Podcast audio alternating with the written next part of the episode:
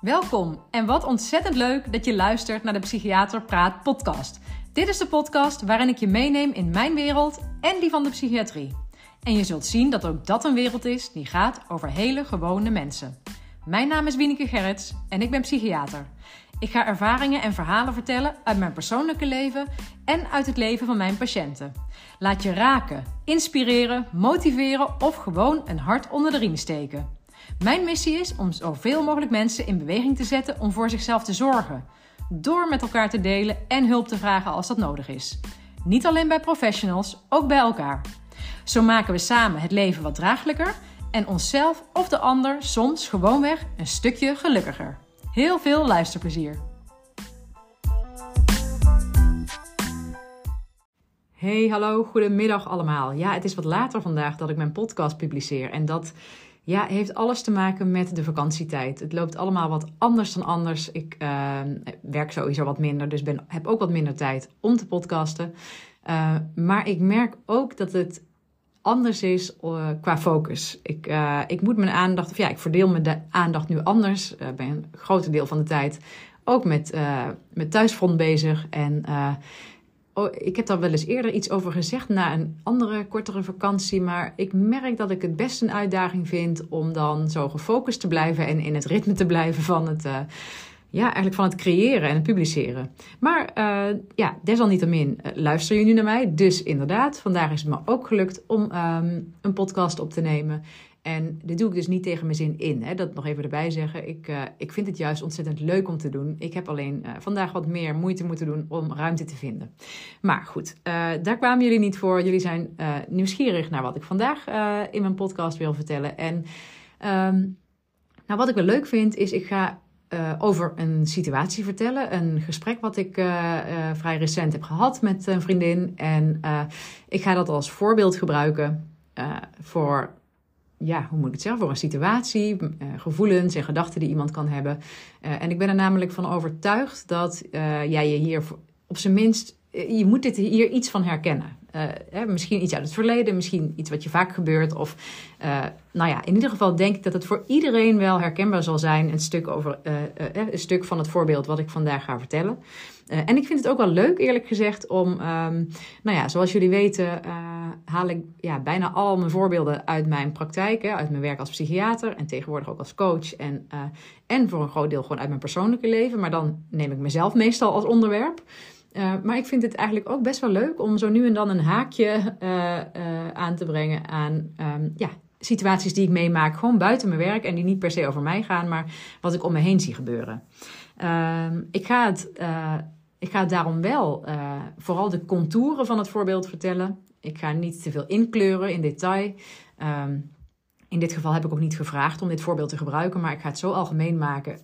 en wat ik al zei, ik verwacht dat jullie je allemaal erin zullen herkennen. Dus herleidbaar zal het niet zijn, maar dan begrijp je een beetje waarom ik het zo doe. Um, ja, ik ga het schetsen. Ik sprak met een vriendin en uh, zij heeft eigenlijk in zichzelf een belangrijke beslissing genomen. Uh, een keuze gemaakt om uh, iets te gaan doen. En dat, wat dat is, ga ik dus niet bespreken. Maar zij heeft een, zeg maar, redelijk levensingrijpende beslissing genomen. Iets, die, iets wat grote impact gaat hebben op haar leven. En um, nou, daar is ze uh, eigenlijk heel zorgvuldig mee omgegaan. Heeft ze lang over nagedacht, vaak mee bezig geweest. Met veel mensen over gepraat. En uiteindelijk ja, in zichzelf een besluit genomen. Dit ga ik doen. En uh, staat daarachter. Um, nou, dit is nog niet het hele voorbeeld. Dit is slechts de inleiding wat nou zeg maar het probleem is, want ja, het gaat als het ware over een probleem, is dat zij ook um, in gesprek met een, gewoon uh, in contact staat met een van haar vrienden, dus met een vriend. En uh, dat deze vriend niet achter haar beslissing staat. Ze hebben geen relatie, hè? ze hebben gewoon een vriendschapsrelatie. En, uh, um, maar deze vriend staat niet achter haar besluit. En heeft dat ook tegen haar gezegd. En heeft ook gezegd van ja, want ik ben bezorgd. Ik denk dat er risico's zitten aan wat jij wil gaan doen. En uh, ja, daar ben ik, maak ik me zorgen over. Dus eigenlijk heeft hij gezegd, ik zou het niet doen. Ik zou dat besluit niet nemen. Ik zou anders besluiten. En daar ehm, heeft zij last van. Dat was het gesprek wat ik met haar had. Dat vertelde ze aan mij. En ehm, ja, ze vertelde echt dat ze, dat ze het gewoon heel erg moeilijk vond om dit te horen. En ehm, dat het eigenlijk ook wel ja, prikkelde, uh, irriteerde, boos maakte. Uh, dat, dat hij deze dingen zei. En overigens had deze vriend ook gezegd: ook al sta ik niet achter je besluit en ook al ben ik bezorgd, ook al denk ik dat je te veel risico neemt, um, hoe dan ook, ik blijf je vriend. Dus of het nou goed uitpakt of niet goed uitpakt, ik zal altijd voor je zijn. Dat heeft hij ook gezegd. En um, het accent uh, wat ik wil aanbrengen vandaag is um, dat het gaat om dat deel dat uh, zij me vertelde dat het haar zo boos en geïrriteerd maakte. En dat ze uh, zich daarin eigenlijk inderdaad op hem focuste. Zo van wat vervelend dat hij dit soort dingen zegt en dat hij het zo doet. En dat hij zo, met, zo met mij dit gesprek aangaat. En ik denk dat we dat allemaal op zijn minst wel zullen herkennen. Dat, je, dat het gewoon voorkomt. Of het nou een vriendschap is, of een collega, of in je liefdesrelatie, of met familie. Iedereen zal gewoon wel herkennen, dat kan eigenlijk niet anders, daar geloof ik in, dat je uh, wel eens uh, met iemand in contact bent, een gesprek hebt en dat iemand iets zegt en dat je echt denkt van, ah, nou ja, in alle gradaties, ofwel een beetje geïrriteerd of dat je er misschien heel erg boos van wordt. En uh, dus dat is het accent uit het voorbeeld uh, wat ik wil leggen. Um, maar mijn, uh, mijn boodschap van vandaag is, waarvan ik denk, ja, doe daar je voordeel mee, zeg maar, is um, dat het heel vaak, ja, ik moet, heel vaak is denk ik de beste uitdrukking, dat het heel vaak iets zegt over jezelf dat je boos wordt. Of dat je, je, dus, dat je, dat je een onaangenaam gevoel krijgt. Ik denk dat het vaker, uh, als je daar uh, bij stil gaat staan, daarover na gaat denken of uh, daarnaar kijkt, dat het vaker iets over jezelf zegt dan daadwerkelijk over die ander. En dan moet ik daar natuurlijk bij zeggen dat het ook kan zijn dat iemand inderdaad iets doet wat over de grens gaat, over de schreef gaat, wat niet oké is, wat fout is of wat dan ook. Ehm, uh, wat je boos kan maken. Dus natuurlijk zijn die gevallen er. Natuurlijk kan het gebeuren dat iemand iets doet, dat je iemand iets ziet doen, of iets hoort doen, of iets hoort zeggen. Uh, nou, wat zo lelijk is, of gemeen is, of wat dan ook. Uh, dat je er boos van kan worden. Dus dat bestaat. Oké, dus dat heb ik nu even gezegd. Hoef ik dat niet nog een keer te zeggen dadelijk, dan weet je. Tuurlijk bestaat dat. Maar ik geloof er echt in dat het maar in een heel klein deel van de gevallen zo is. En dan bedoel ik ook zeker wanneer het gaat om vriendschappen of uh, andere banden die je met mensen hebt, uh, die, um, ja, die nauw zijn, die intiem zijn. Hè? Dat is als het een goede vriendschap is, of een goede um, uh, collegiale relatie, of een goede band met een familielid, of een goede liefdesrelatie. Dan zal het niet vaak voorkomen dat de ander intentioneel, hè, dus met opzet, met de bedoeling, dat hij jou boos zal maken. Dus, en, en daar heb ik het eigenlijk over. Dus eigenlijk in een goede band er gebeurt iets, of er wordt iets gezegd of gedaan en jij voelt je daar kwaad over, of lichtelijk geïrriteerd of alles wat ertussen zit, dan zal het heel vaak iets zeggen over wat er in jou speelt. En uh, hier had ik het met die vriendin over. Of dat, ja, we hadden gewoon een rustig gesprek daarover. Dus uh, ja, ik, ik probeerde ook een beetje te verhelderen van wat zij uh, erbij voelde en welke gedachten ze daarbij had. En, en eigenlijk kwamen we er eigenlijk ook op uit dat zij zei van ja, het is voor mij gewoon zo'n lange weg hier naartoe geweest. En ik heb me daar uh, heel lang zo onzeker over gevoeld. En ik heb um, um, nou, met heel veel mensen daarover gepraat. En uh, het is redelijk tegen de stroom in eigenlijk. Dus met redelijk wat weerstand in. Of met redelijk wat weerstand. Dat ik nu echt kies wat ik zelf wil kiezen omdat zij ook wist van nou, er zijn een heleboel mensen om haar heen die misschien uh, haar dat liever niet zien doen of een andere uh, richting uit zouden zien gaan. En ze zegt, ja, ik heb eigenlijk zo lang daar rekening mee gehouden en dat ook als een soort van eigen waarheid gemaakt, dat dat inderdaad beter voor me was. Terwijl uh, pas op het moment dat zij ja, echt ruimte gaf aan haar eigen innerlijke ja, gevoel of weten en echt dacht van ja, maar dit is de richting waar ik naar uit wil.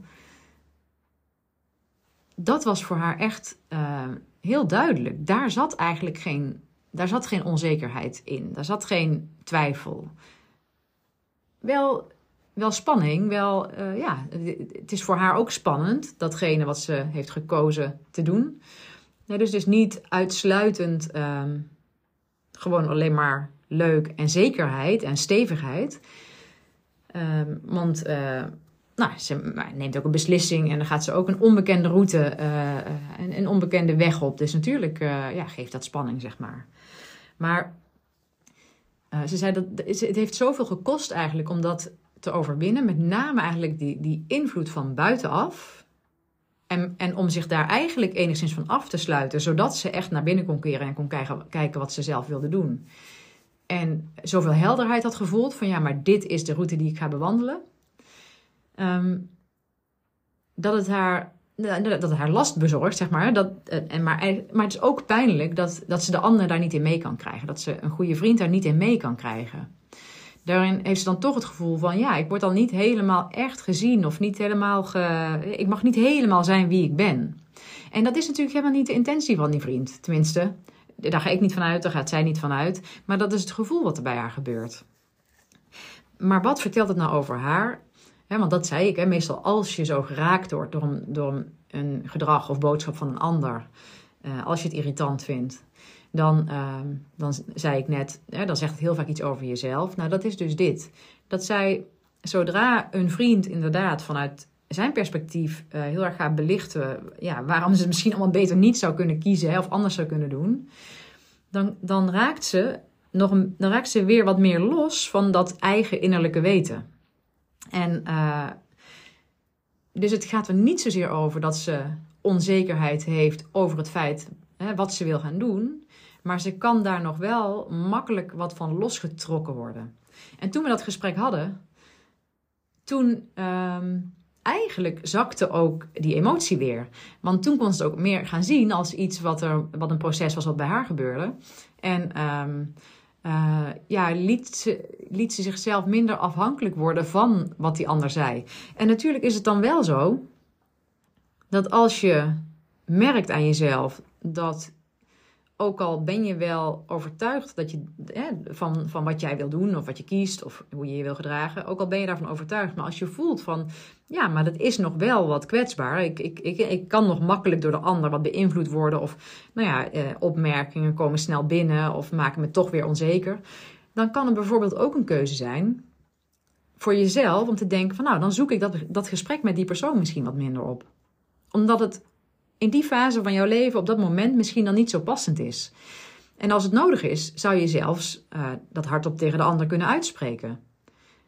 Want misschien is het niet nodig, want misschien loop je die niet elke dag tegen het lijf of gaat het niet zomaar daarover en hè, kun je dat gewoon uh, binnen in jezelf beslissen.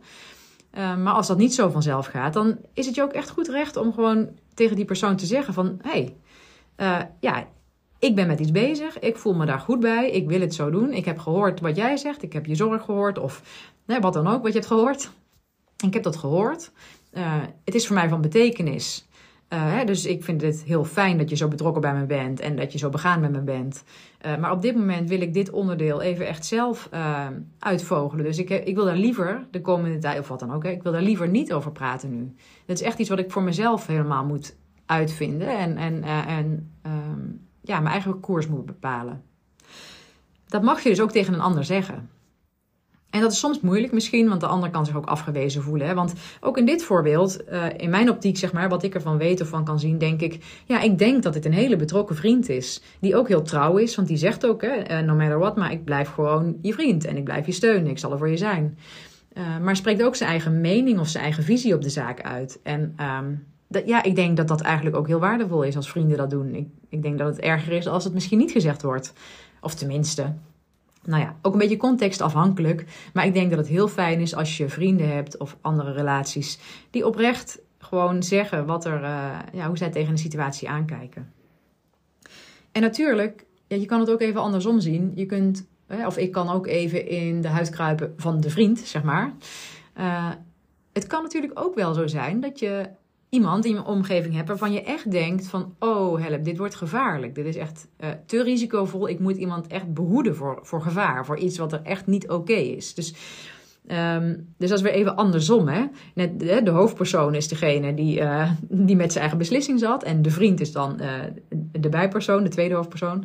Maar die vriend, die kan, die kan het natuurlijk ook bij het rechte eind hebben. En dat is natuurlijk niet zo zwart-wit. Dat kun je niet echt over het algemeen dan, kun je dat niet echt meten. Dus dit is dan soms ook iets wat je met elkaar een beetje moet uitvechten. Maar het kan natuurlijk wel zijn dat je echt denkt van nou, ik ken deze persoon heel goed. Um, dit, uh, ditgene wat hij nu van plan is om te gaan doen, dat uh, staat echt haaks op um, zijn, zijn of haar eigen levenshouding. Uh, ja, dit is gewoon helemaal niet wat bij die persoon past. Dit klopt niet. als je een heel sterk gevoel hebt van, ja, dit is echt gewoon. Dit, maar dan, en dan wel vanuit de persoon bekeken. Als jij vriend bent, probeer dan wel in de huid te kruipen weer van die ander. Probeer niet alleen maar je eigen, want dat kan ook nog gebeuren, dat je je eigen angsten gaat projecteren op de ander. Dat jij het niet zou durven. Of, um, maar als je echt, ik denk altijd zo van ja, als je inderdaad echt om elkaar geeft, dan probeer je ook te bekijken vanuit het perspectief van, ja, uh, van degene om wie jij je bekommert. En ja, als jij echt voelt van ik moet hem of haar behoeden voor iets gevaarlijks, dan moet je dat ook doen. En dan kom ik ook weer een beetje uit op want dit is allemaal zo ontastbaar. Hè? Dit is, uh, ik weet niet zo goed hoe goed jij ja, uh, contact kunt maken met, met die raadgever in jezelf. Maar, um, want ja, ik, ik ben natuurlijk als psychiater, uh, kan ik heel gedifferentieerd nadenken en praten over emoties. Hè? Er zijn allerlei verschillende schakeringen en nuances aan te brengen als het gaat over gevoelens en emoties. Maar daarnaast, of op een ander soort laag, geloof ik er echt in dat er ja, dat er dus ook een soort van laag is van iets ervaren of voelen waar het wel redelijk uh, zwart-wit is. Waar het wel is van of het is goed of het is niet goed. Dat is een andere laag dan de gevoelens van verdrietig zijn of boos zijn of bang zijn of blij zijn. Of, dus ik, de, uh, dit, staat los van elkaar wat ik nu zeg. Ik geloof ook dat er een bepaalde laag is. Ik heb dat wel eens mijn intuïtie genoemd. Sommige mensen noemen dat misschien ook weer anders.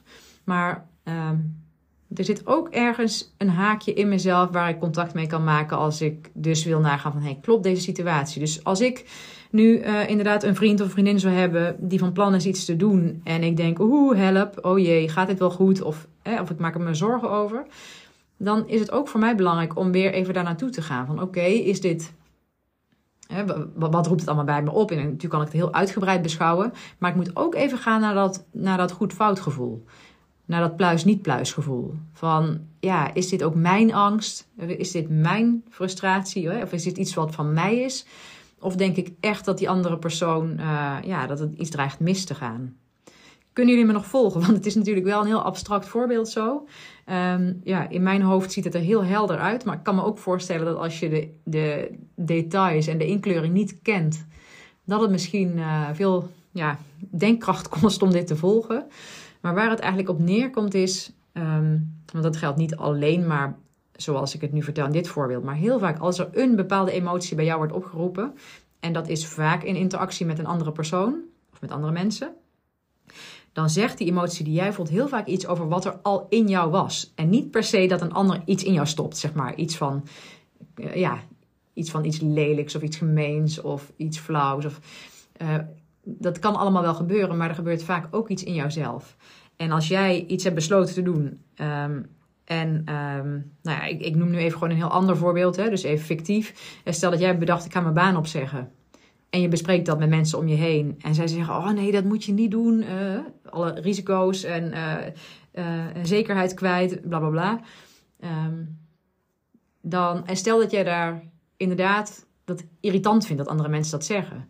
Dan kan dat zeker irritant zijn. Want misschien hebben ze helemaal geen gelijk. Misschien heb jij het allemaal heel goed doordacht of goed gepland. Of misschien ben je daar helemaal niet van en ja, wil je dat ook helemaal niet. Maar, maar je kunt dan ook naar binnen kijken van ja, wat maakt me dan eigenlijk zo kwaad? En het kan zijn dat je misschien zelf nog wel heel onzeker bent over die keuze. Misschien heb je wel van binnen gevoeld van ja, dit is echt, dit moet ik doen, want er kunnen tal van redenen voor zijn waarom je een baan zou willen opzeggen. Misschien, hè, misschien omdat je niet op je plek zit of omdat je er slechter van wordt of uh, wat dan ook. Uh, maar misschien is het voor jou eigenlijk wel heel duidelijk dat dit moet gebeuren. Uh, het kan ook zijn dat je zelf ook wel die angsten voelt of die, die twijfels hebt die anderen aan jou vertellen. Want misschien heb je inderdaad nog niet goed bedacht van ja, hoe kun je dan volgende maand je huur betalen of je boodschappen doen. Of, dus um, wat de ander tegen jou zegt, kan zeker iets losmaken in jou wat er eigenlijk al was. En eigenlijk is het dus ook best wel prettig dat dat soms zo werkt. Want het kan ook zijn dat als je niet in contact treedt met anderen en daar niet over spreekt. En je blokkeert, ja, je, je schermt jezelf een beetje af voor je eigen gevoelens, dat je daar misschien geen contact mee maakt. Dus ja, ik denk altijd zo. Er zijn best veel gevoelens die helemaal niet zo fijn zijn om te hebben. Maar je hebt er wel wat aan. Dus laat ze je ook leiden.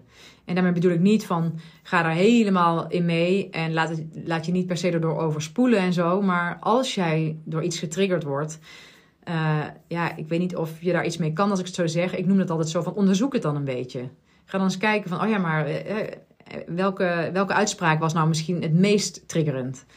En um, waar het heel vaak op uitkomt, uh, is dat het, um, dat het dan ook iets raakt aan iets wat vaak ook al wel bekend is of wat oud is. Daarmee bedoel ik, hè, dus een bekend gevoel is bij jezelf of een oud patroon van jezelf. En uh, bijvoorbeeld um, dat je het gevoel hebt van dat, dat iemand je eigenlijk niet echt ziet. En dat hebben best veel mensen. Er zijn best veel mensen die eigenlijk het gevoel hebben van: oh, maar ik word niet goed begrepen, ik word niet goed gezien. Ze kijken niet echt of ze luisteren niet echt.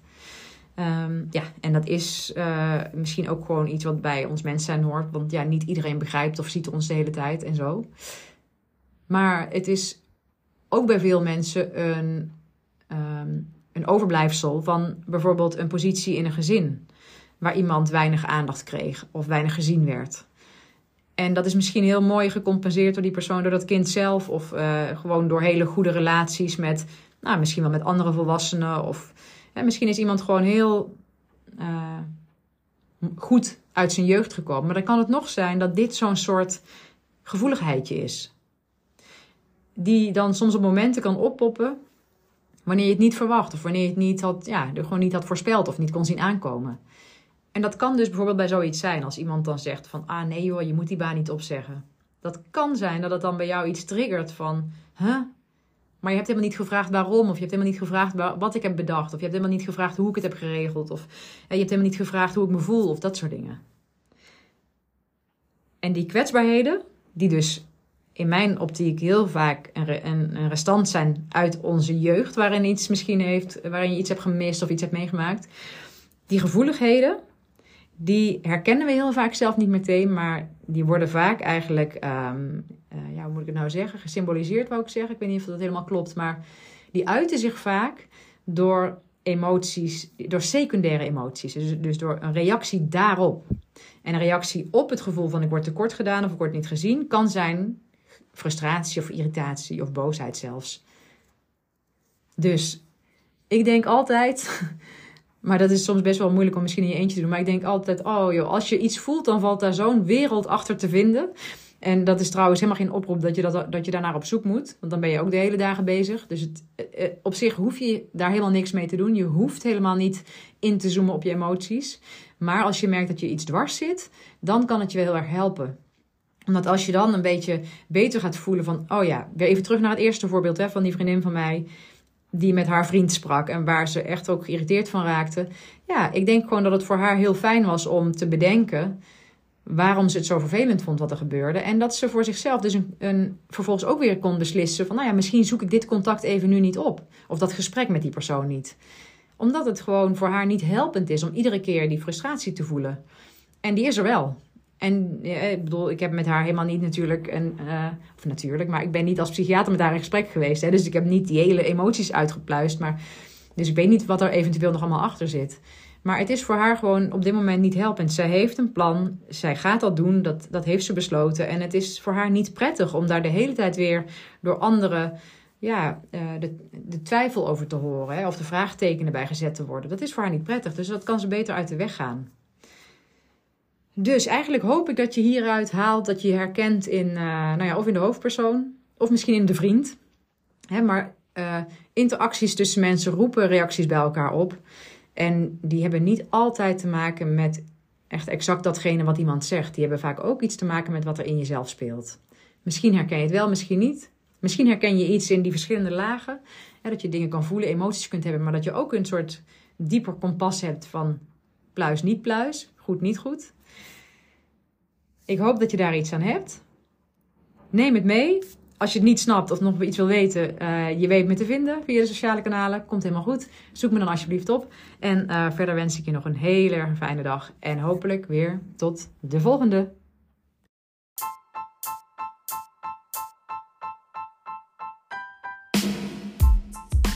Ha, ik vind het echt super leuk dat je mijn aflevering beluisterd hebt. En nogmaals, heel erg bedankt daarvoor. Hopelijk heeft het je ook aangesproken. En wil je me dat laten weten? Dat kan via mail naar info.wienekegerrits.nl, een bericht via Instagram, waar ik te vinden ben onder wieneke gerrits, of op LinkedIn onder mijn eigen naam. Ik vind het heel leuk om ook jou beter te leren kennen en te weten wie er luistert. Jij kunt ook anderen inspireren door mij te taggen, bijvoorbeeld in je stories of je feed op Instagram. En wat jij van mij kunt doen, is in jouw podcast-app waar je deze beluistert, een review achterlaten. Bijvoorbeeld een aantal sterren. Wil je dat doen? Zo kom ik erachter of en hoe mijn podcast gewaardeerd wordt en wordt hij beter vindbaar voor anderen. Overigens kun je je ook abonneren op deze podcast in je app. Hoe dat per app werkt, weet ik niet precies, maar vaak is er een knop subscribe, abonneren of volgen en dan krijg je automatisch een berichtje of in je app te zien als ik een nieuwe aflevering heb geplaatst.